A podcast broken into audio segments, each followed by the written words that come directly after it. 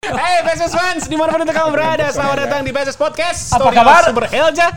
Kita udah mulai. We just started. We just started. Fuck? We just started right now.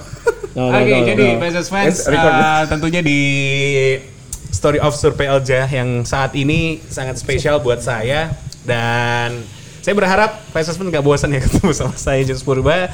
Seperti biasa di PSS Podcast kita bakal ngobrol-ngobrol bersama dengan tubuh dari Super Elang Jawa mulai dari pemain, pelatih, official dan juga jajaran dari manajemen. Dan untuk kesempatan kali ini saya bakal mengajak PSS fans berbicara dan mengetahui cerita yang menarik dari salah satu pemain PSS Sleman yang Wow, pastinya tidak asing lagi namanya. Sebentar lagi ngomong. Oke.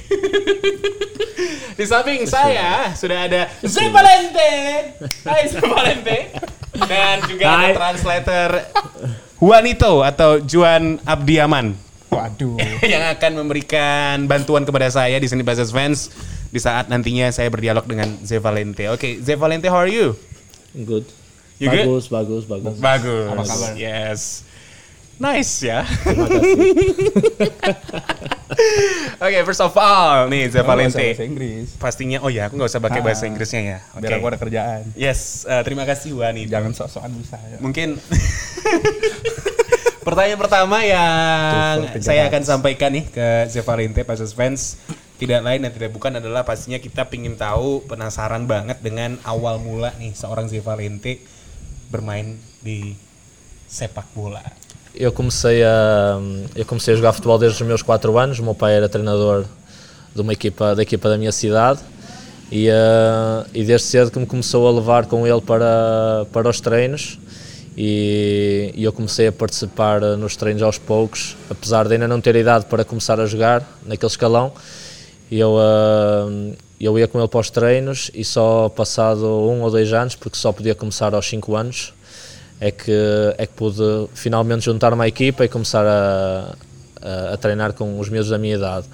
Foi, eh, foi algo que eu sempre gostei, foi eh, a bola, a bola praticamente, eh, o gosto pela bola cresceu comigo, porque o meu pai também jogou, jogou futebol, então o meu amor pelo futebol vem, vem desde sempre, acho que vem desde o, desde o berço e, hum, e tem vindo até agora. Tenho, tenho, tenho feito a minha carreira, tenho, tenho me sentido orgulhoso do que, do que tenho feito e espero, espero terminar a minha carreira também da melhor forma, da melhor forma possível, sempre com muito amor e dedicação. Oke, luar biasa ya PSS ya.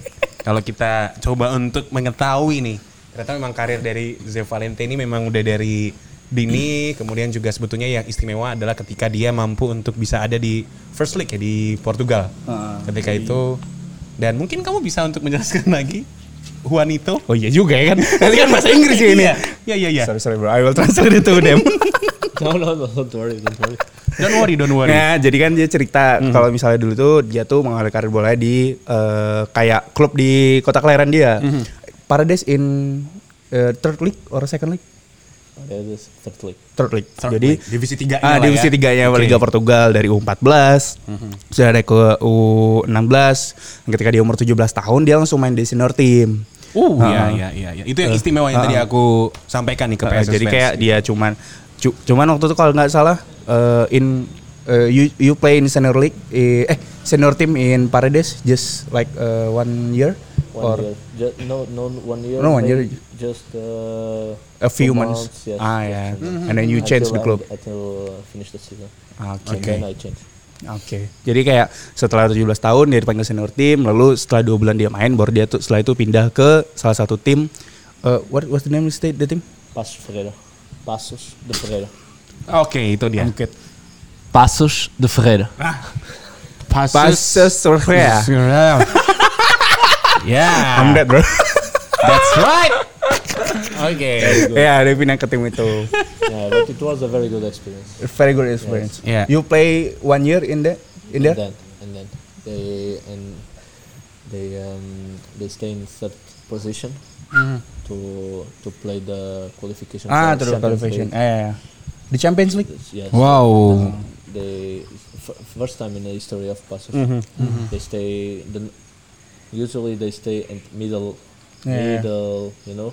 Standing. Uh, yes, yes, just standing. Table standing. And it's normal. The first is Porto Benfica, Yeah. Benfica, Sporting, Yeah. uh, Braga, Mm. Guimarães.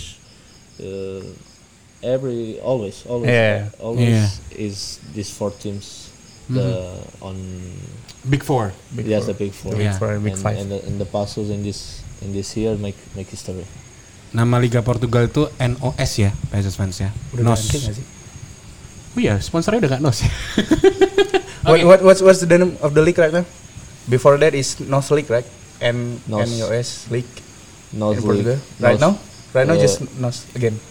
Right now, I don't know if they change or not because I don't follow. Uh, I don't follow football. Yeah, I know, I know. I don't like. No problemo. I don't see too much football. Eh, Oke. Soalnya si You already know.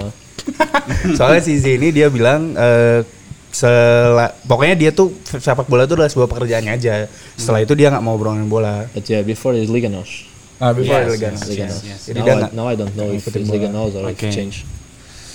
Oke. Fun fact nih ya dari Ze Valente yang tadi kita juga sempat obrolin. Tadi saya bersama Juanito PSS fans, Juan menyampaikan kepada saya ternyata Ze Valente ini ayahnya juga dia berkecimpung dalam dunia sepak bola ya. Nah, tapi kalau untuk Ze Valente apakah memang dia itu ke dunia sepak bola karena ayahnya atau memang dia um, punya role model nih di dalam dunia sepak bola untuk bisa menggapai mimpinya? Oh, Eu comecei a jogar futebol, óbvio, óbvio que, que, na, que na família há, há influência. Se tens uma família onde, onde as pessoas gostam de futebol, é óbvio que há, há essa influência, mas nunca fui obrigado a gostar de futebol. Eh, e acho que mesmo que não tivesse uma família dentro do futebol, eu acho que ia gostar na mesma de, de jogar futebol e ia ter essa paixão pelo, pelo desporto. Por isso eu não, não, eu não acredito que, que tenha começado a jogar futebol por causa do meu pai mas sim porque, porque realmente desde muito cedo que, que, me, apaixonei, que me apaixonei pela bola e, e, o meu avor- e o meu amor pelo futebol tem vindo então desde, desde aí. Gitu. Oke oke oke oke oke. Paham paham paham. Paham. Maksudnya apa yang Aku- disampaikan aku translate dong. Valente. Nggak usah nggak usah nggak usah. Loh kan tugas gue translator. Oh iya, iya. Silakan, Tugasku, silakan. jangan bahasa Inggris doang dong. Nah jadi tadi si, oke, tadi si Z ini bilang sebenarnya kan jawabannya tadi adalah eh, mungkin ayahnya dia tuh bisa eh, tetap bisa memberikan influ- influence dia untuk main bola gitu loh. Iya.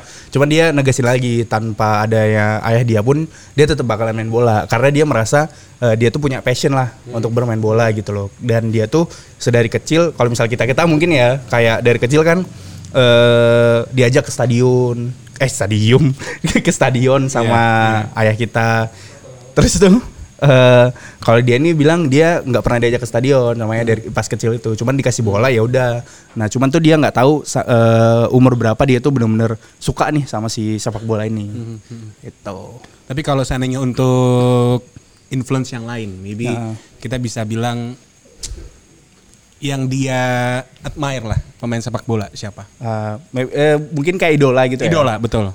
so The I- first, the first. Yes. Yeah, the first- now, the first. Now is Messi. Yeah. Now is Messi. No. But the first, the, the first, the first. No, it's true. It's true. I know I'm, Por- I'm Portuguese. I know I'm Portuguese, but I prefer Messi. So we need to respect. bro all, all the Portuguese all the And of course, I respect the history of Cristiano, the Yes. big player, great player. Iya, iya. But I prefer. Uh, you prefer Messi yeah, prefer. uh, because you're left yes. foot Maybe I don't know, but I prefer. I prefer Messi. I prefer Messi. you prefer Messi Yes, but but, the one was um, in the first was uh, Ronaldinho. Ronaldinho Ronaldinho. Ya, ya. That's why you play in Tiempo. No, I play with Mizuno.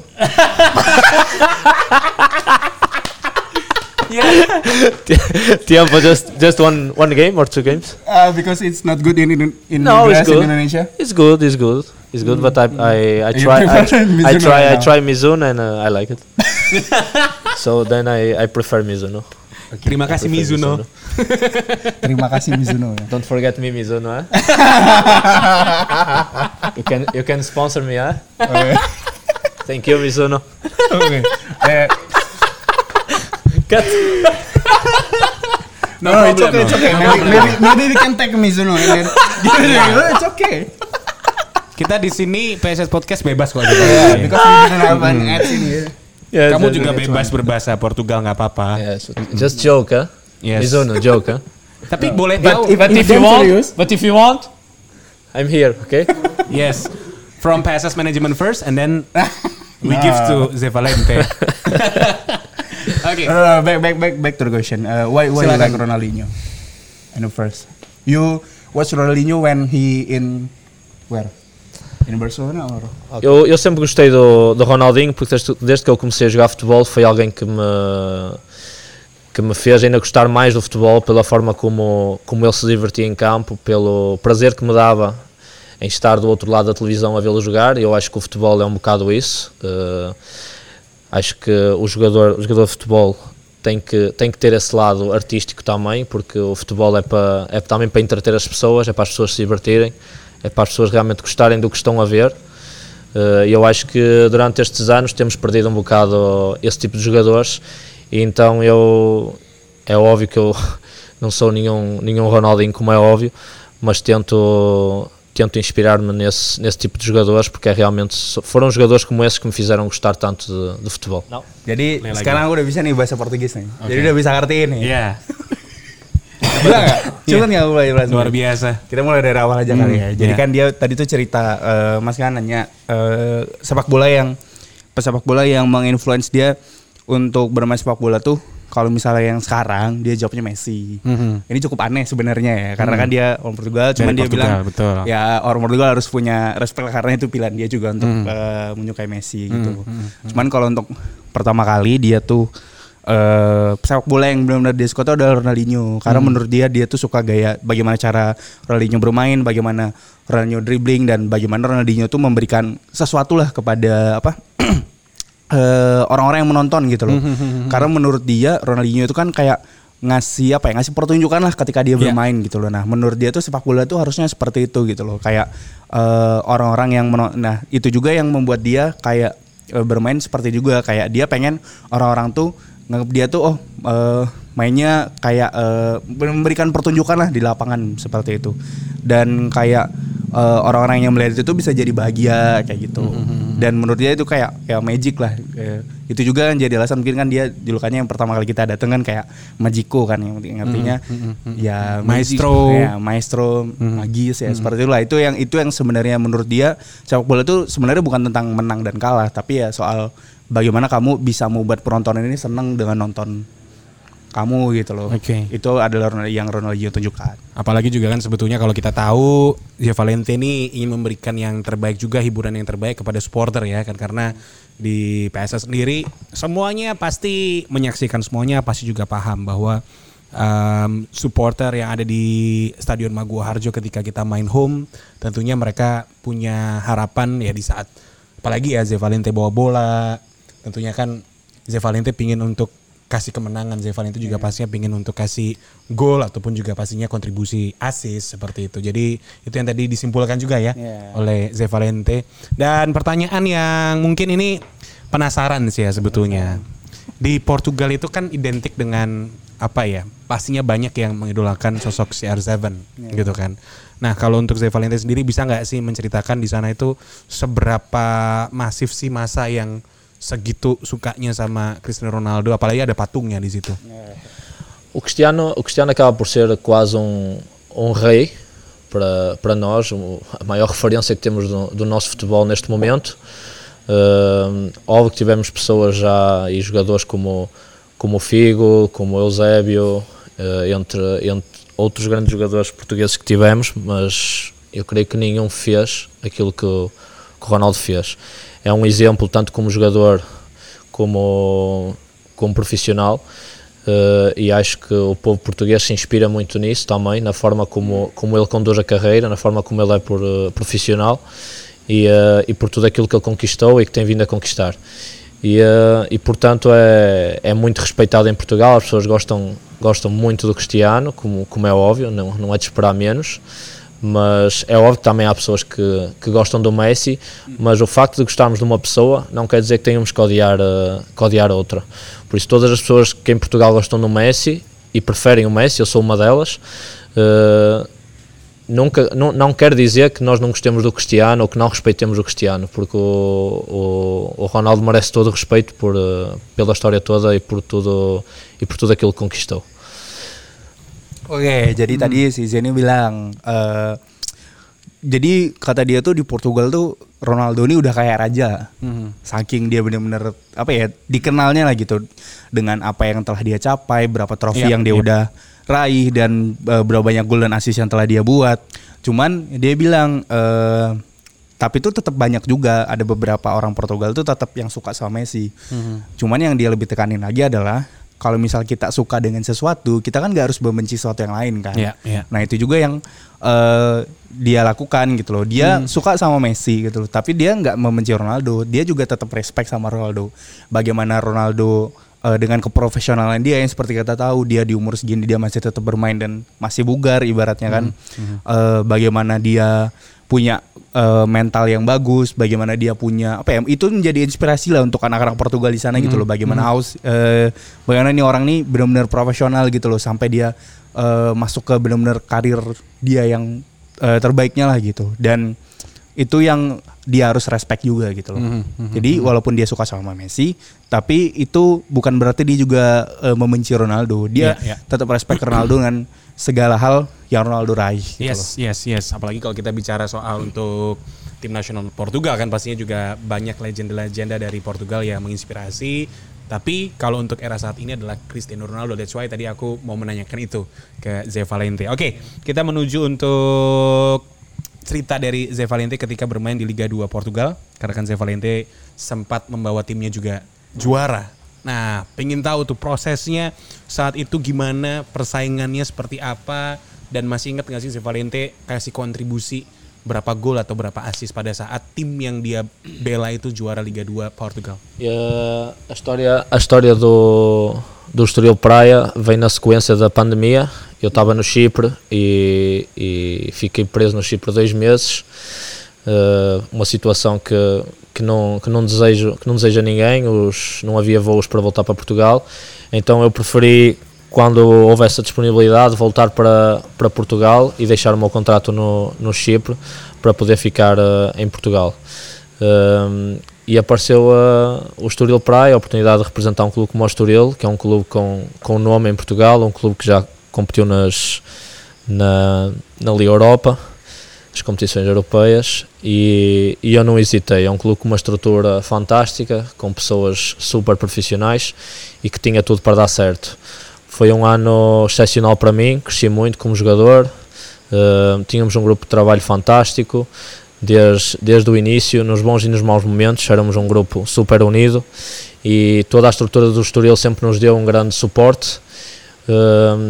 Portanto, não foi, não foi no fundo novidade nenhuma que tenhamos tido o sucesso que tivemos. Foi um ano para mim também especialmente uh, bom a nível profissional e a nível pessoal também. Um, fui, fui o jogador com mais assistências do, do clube e pude contribuir também para, para o sucesso, que é no fundo aquilo que, que nós queremos quando estamos a jogar, é contribuir ao máximo, tanto seja com golos, com assistências. Uh, portanto, fiquei feliz por ter sido o, o rei das assistências, como nós chamamos lá, em Portugal. E, e tudo isto tudo isto acabou com, com o Estoril campeão. E foi a, minha, foi a primeira vez que conquistei um título de campeão, já tinha subido divisão também, mas subir divisão é diferente de ser campeão. Fiquei, fiquei muito feliz, foi um, ano, foi um ano extremamente bom. E desejo tudo melhor também para, para o Estoril Praia, deixei lá muitos, muitos e bons amigos e que continuem na Primeira Liga por muitos anos. Nah, jadi tadi dia cerita soal uh, mungkin teman-teman supporter atau teman-teman PSS fans di rumah uh, udah sering lah nih ngestal kan tentang Zé Valente gitu. Apalagi kan kalau misalnya dia explore IG-nya ada yang diangkat piala tuh. Nah, itu namanya nama timnya Estoril Praia. Nah, jadi dia cerita tadi uh, sebelum dia ke Estoril itu dia tuh main di satu negara di eh satu klub di Siprus. Cuman ketika dia main ternyata tiba-tiba pandemi dan Siprus tuh kan kayak satu buah pulau gitu. Nah, jadi dia tuh benar-benar kayak di penjara di pulau itu selama dua bulan dan kalau misalnya kita keluar itu tuh kena sanksi. Dipentung Dan- sama Jangan diomongin. kena Oke, oke, kena pokoknya kena sanksi lah gitu Iya, dan iya, bandara ditutup dia nggak bisa balik ke Portugal. Mhm. Pada akhirnya setelah itu dua bulan, After dua bulan. uh-uh, dia apa namanya? Eh bandara dibuka dan dia langsung ngomong ke presiden klubnya kayaknya nggak bisa deh nurusin di sini karena benar-benar aku pengen balik ke Portugal. Karena mungkin dia waktu itu dia cuma sendiri por- eh, keluarganya masih di Portugal itu mungkin jadi alasan dia buat balik. Nah terus tuh eh, ketika dia balik ke Portugal dia tanpa klub dan eh, tiba-tiba dia dapat eh, undangan lah dari Estoril ini untuk bergabung. Pada akhirnya dia terima itu. Situ dia cerita eh, bagaimana di Estoril ini dia eh, benar-benar eh, dari manajemen klubnya bagus, mereka punya psikologis, eh, mereka punya psikologis, mereka punya infrastruktur yang bagus lah, ada gym dan segala macamnya benar-benar di dalam satu tempat yang sama gitu loh. Dan dari manajemen juga ngerekrut pemain-pemain yang bagus dan eh, itu yang bikin eh, atmosfer dari tim dia bagus dan menurut dia kalau atmosfer tim udah bagus itu bakalan mudah banget untuk nyampein sukses. Dan ketika itu dia jadi eh, king assist kata dia. Jadi kayak dia tuh yang eh, membuat assist paling banyak di antara teman-teman timnya gitu. Dan pada akhirnya dia menjuarai lah second league dan pada akhirnya menuju ke first league Oke. gitu. Wow. Cuma eh, ada lagi dia bilang eh, dia eh, mendoakan yang sukses lah untuk teman-teman dia yang eh, masih bermain di Estoril karena Iya. eh, dengan eh, kondisi seperti itu dengan infrastruktur yang baik ya itu mereka harus mendapat aspek yang lebih dan mungkin bisa dicontoh untuk tim-tim yang ada di sini maupun di tim-tim yang lain gitu. Oke oke oke oke. Pengalaman yang luar biasa tentunya dari Ze Valente dan tentunya juga banyak harapan ya yang kita inginkan ketika Ze Valente ini direkrut oleh PSS Sleman, dia bisa untuk memberikan influence juga kepada pemain-pemain lokal karena tentunya kan kalau kita bicara juga sepak bola Indonesia, pemain asing yang direkrut itu yang saya tahu ya PSS fans pastinya kita kepingin pemain asing ini bisa menjadi contoh yang lebih baik di sepak bola atau di culture sepak bola kita gitu. Termasuk juga yang tadi yang diceritakan oleh Zé Valente ternyata di divisi 2 aja seserius itu, seprofesional itu dengan manajemen yang mereka punya, tapi saya juga percaya bahwa yang profesional bukan hanya klubnya tapi juga dari federasinya, dari penyelenggaranya dan itu mungkin bisa menjadi contoh yang baik untuk Indonesia juga nantinya. Oke, em, untuk Ze Valente, ketika ke Indonesia, nah ini kan juga pasti em, banyak yang pingin tahu nih prosesnya seperti apa gitu. Dan mengapa Ze Valente memilih Indonesia untuk menjadi destinasi melanjutkan karirnya yang bisa dibilang masih muda gitu loh Ze Valente sebagai pemain sepak bola. Hum, eu vim passar férias à Indonésia. Eu vim passar férias a, a Bali há 5 anos atrás. 5, 5, 6 anos atrás. E, e apaixonei-me um bocado pela, pela cultura do, do país, pela forma como as pessoas se tratavam. Hum, Informei-me também sobre o futebol e vi a forma apaixonante como os adeptos vivi- viviam o, o futebol aqui. E, hum, e eu na altura com a minha, com a minha namorada e, e disse-lhe que um dia eu ia jogar na, na Indonésia e, e passado três anos comecei a receber algumas ofertas daqui, inclusive no ano, no ano em que fui campeão pelo Estoril eh, tive, tive uma oferta aqui de um, de um clube da Indonésia.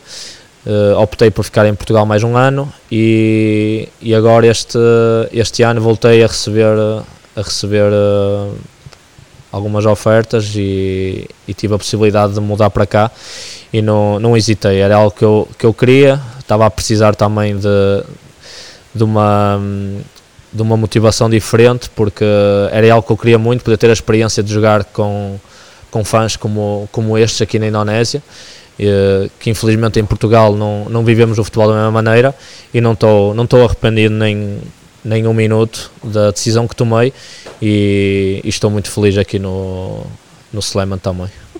Oke, tadi tadi si Z bilang, jadi dia tuh sebelumnya dia tuh udah pernah ke Indonesia ke Bali. Nah, lalu setelah itu dia ngomong ke It's your girlfriend or wife? Oke, jadi dia bilang ke pacarnya eh kalau dia tuh mau main bola di Indonesia. Karena ketika dia tanya ke orang-orang tentang sepak bola orang-orang di Bali tentang sepak bola Indonesia itu seperti apa pada akhirnya dia nge-search di Instagram. Oh pada akhirnya dia menemukan oh ternyata uh, fans di Indonesia cukup banyak ya dan cukup apa ya cukup fanatik lah de- dengan sepak bola gitu loh. Itu berbeda di Portugal. Nah makanya maka dari itu dia ngomong ke pacarnya kalau eh, aku pengen suatu saat eh, main bola di Indonesia. Setelah itu dia balik ke Portugal, dia juara di Estoril tadi. Lalu setelah dia juara di Estoril, dia tuh sebenarnya punya kesempatan untuk datang ke Indonesia. Ada klub yang nawarin, cuman bukan PSS.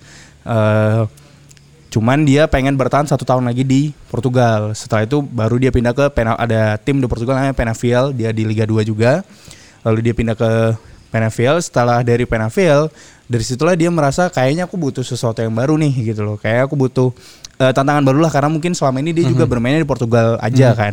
Setelah itu eh, dia tanya eh, manaj- dia bilang ke manajernya kalau dia butuh sesuatu yang baru lalu oh, datanglah offering dari PSS nah ketika dia dapat offering dari PSS dia eh, cari lah nih PSS di Instagram di YouTube di situlah dia baru tahu oh ternyata PSS ini punya banyak supporter ya gitu dan punya banyak apa ya punya eh, dan mereka begitu sangat-sangat mencintai klubnya itu juga yang menjadikan alasan pada akhirnya dia mengiyakan untuk bermain di Sleman seperti itu.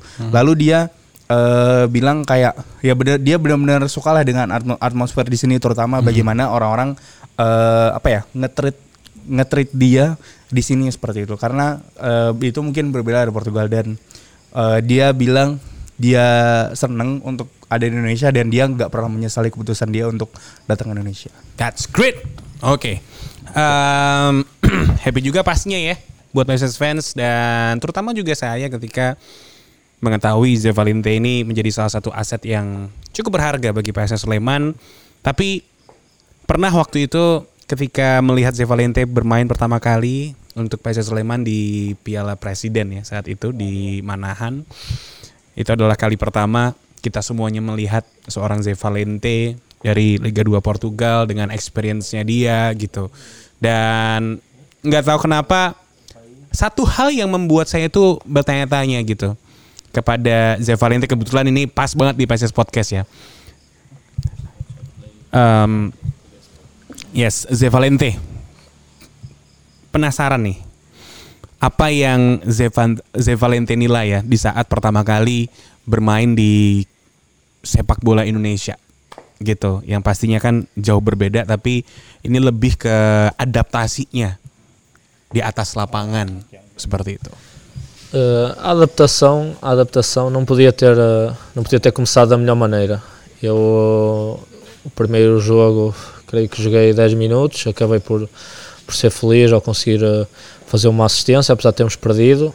Isso dá sempre alguma alguma motivação. No segundo jogo comecei comecei de início e ganhámos 1-0, passámos à próxima fase da Piala Presidente e eu pude fazer o gol da, da vitória e isso sem dúvida nenhuma que ajuda a, a tu conquistares no fundo a confiança das pessoas dos, tanto do staff como dos, dos fãs também e a partir daí eu acho que as coisas foram mais fáceis e, hum, e eu senti-me também mais motivado. Portanto eu acho que não tive um grande problema de adaptação uh, a não ser na questão da, na questão da alimentação. E, hum, e portanto tirando isso eu acho que, que nem passei no fundo por essa fase de adaptação porque até, até porque aqui na Indonésia uh, nós temos nós temos que, que jogar temos que dar rendimento e quase não há espaço para, para nos adaptarmos também. Então nós precisamos chegar aqui na melhor forma possível e tentar mostrar o nosso, o nosso futebol. Jadi tadi Zee bilang sebenarnya eh, dia tuh merasa adaptasi dia tuh cukup mudah di Indonesia karena dia mungkin kalau misalnya teman-teman PSS fan juga ingat dia tuh eh, pertandingan pertama dia dengan PSS adalah ketika kita kalah lawan PSS Semarang 5-2 kalau nggak salah skornya ya. Itu dia main 10 menit dan ketika itu dia eh, apa kasih satu asis. Nah, dari situlah dia mulai mulai punya eh, kepercayaan diri untuk ngadepin game selanjutnya kita lawan Dewa United dan di situ dia bermain secara strat, eh, di 11 utama dan ketika itu juga dia mencetak gol penentu eh, skor 1-0 dan kita pergi ke perempat final ketika itu kan. Nah, menurut dia ketika dia bermain baik di pertandingan pertama pertandingan kedua itu adalah menjadi kunci dia untuk adaptasi ke depannya. Karena eh, ketika dia di awal pertandingan pertama bagus, pertandingan kedua bagus, itu dia merasa untuk ke depannya pasti bakalan lebih enak gitu loh. Dan nggak merasa nggak merasa terlalu terbebani. Karena ketika dia dia dia cerita kalau misalnya dia dia adalah pemain asing datang ke Indonesia lalu eh, dia bilang kalau misalnya pemain asing ini nggak punya waktu untuk kayak adaptasi lagi gitu sebenarnya. Karena dia merasa ya ketika kamu udah datang ke sini ya kamu harusnya udah siap main dan udah siap untuk mencetak gol gitu loh Eh, itulah yang cukup sulit juga kata dia. Karena eh, ketika kamu pertandingan pertama jelek, pertandingan kedua jelek, maka bisa jadi eh, pertandingan selan- selanjutnya tuh bisa jelek. Karena memang udah dari awal tuh dia nggak nemu kuncinya ini untuk dia mudah untuk adaptasi gitu loh. Nah, eh, lalu selanjutnya mungkin dia yang sulit adaptasinya itu mungkin lebih ke makanan kata dia saat ini. Karena dia nggak nemuin eh, sesuatu yang spesial lah gitu loh. Karena ya mungkin perbedaan juga kan. Karena kita mungkin di sini makan nasi di sana di mereka nggak makan gitu loh. Itu yang jadi perbedaan perbedaan yang dia butuhkan untuk adaptasi lah gitu untuk makanan gitu loh. Mungkin bisa soal- kalau misalnya soal makanan lanjutnya makanan yang dia sukain gitu Oke. oke jadi gitu mas Ya, ya, ya, ya, ya, ya, ya. Cukup menarik ya. Dan itulah yang namanya dedikasi, termasuk juga menghargai sebuah profesi ya dalam bidang sepak bola dan itu yang ditunjukkan oleh Zavalente di PSS Sleman dan dalam karirnya bermain sepak bola. Nah, tadi kan Zavalente em, ada keluhan mungkin yang sampai saat ini dia alami yaitu adalah adaptasi dengan makanan. Nah, makanan yang Zevalente inginkan atau mungkin favoritnya Zevalente untuk bisa nge-support kehidupan sehatnya dia lah sebagai atlet itu apa aja sih? Eh, é sem dúvida um dos meus maiores problemas aqui e, e talvez eh, uma das partes em que eu não me, não me vou realmente adaptar porque não, não, não tem sido fácil, eh, que é a questão da alimentação. Eh, mas é fácil também encontrar algo que, que nós europeus estamos mais habituados, porque aqui nos supermercados temos alguns supermercados com alguma comida com alguma comida que, que nós também estamos habituados a comer na, na Europa e que eu também tenho, tenho, tenho esse hábito de comer.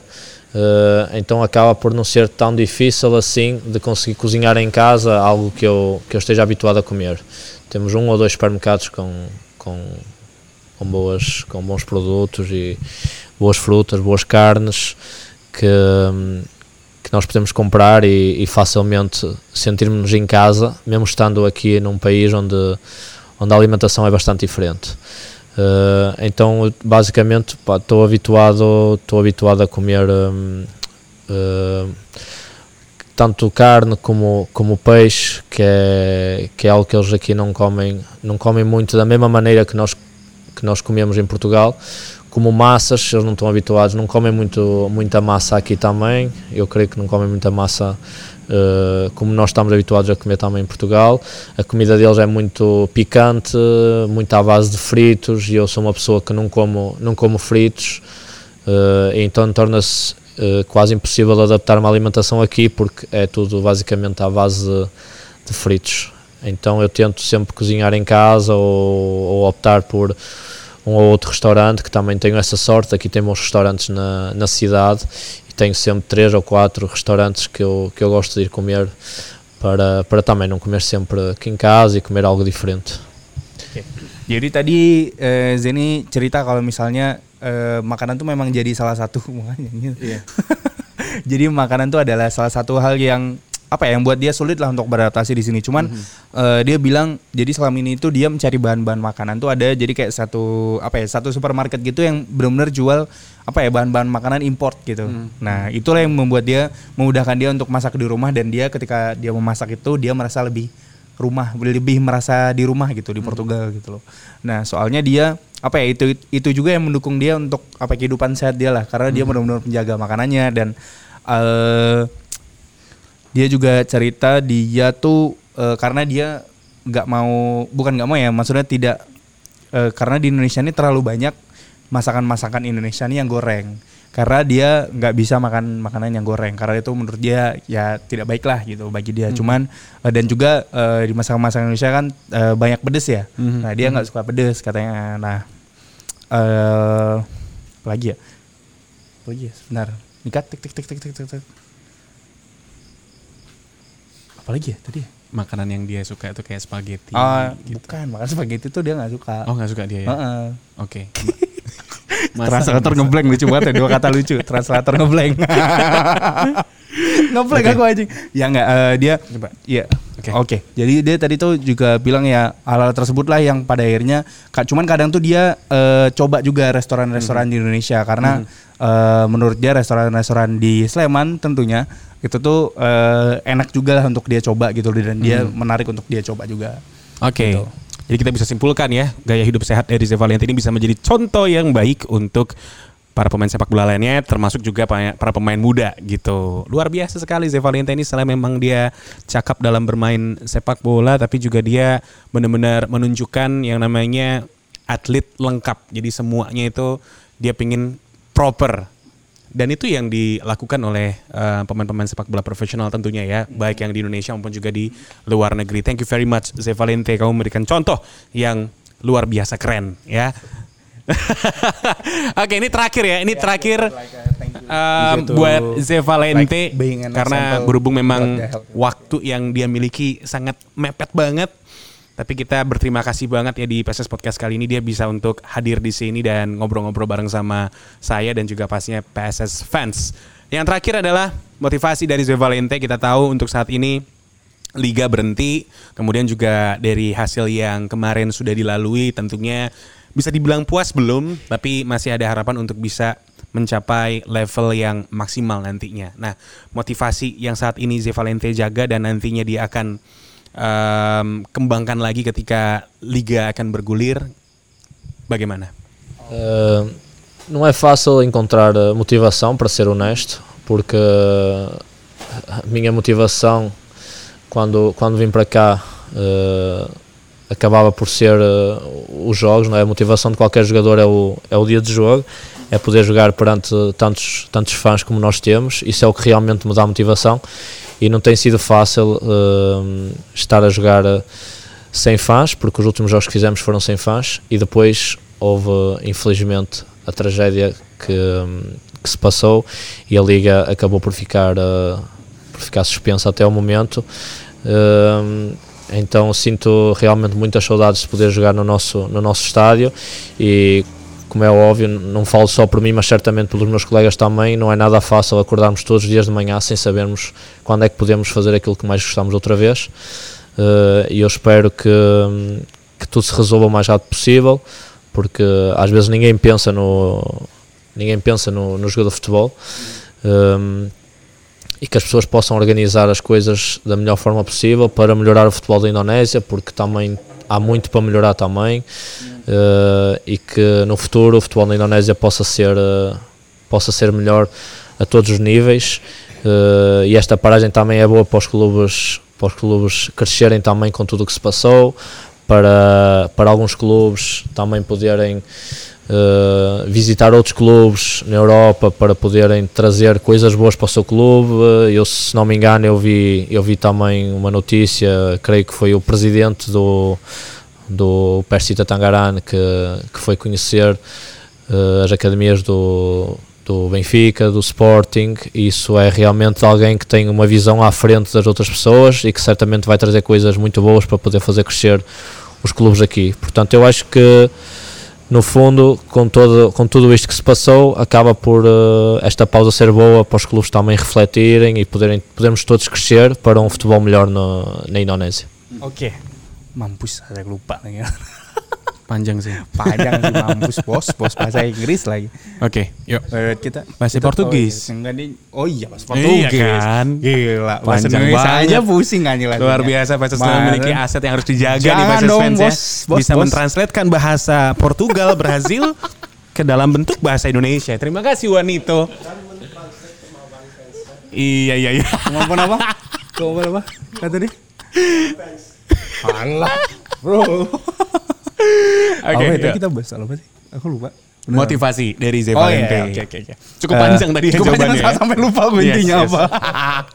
Oke, Tapi jadi isinya daging semua loh yang disampaikan sama Zé Iya, Valente tadi daging ya. lah.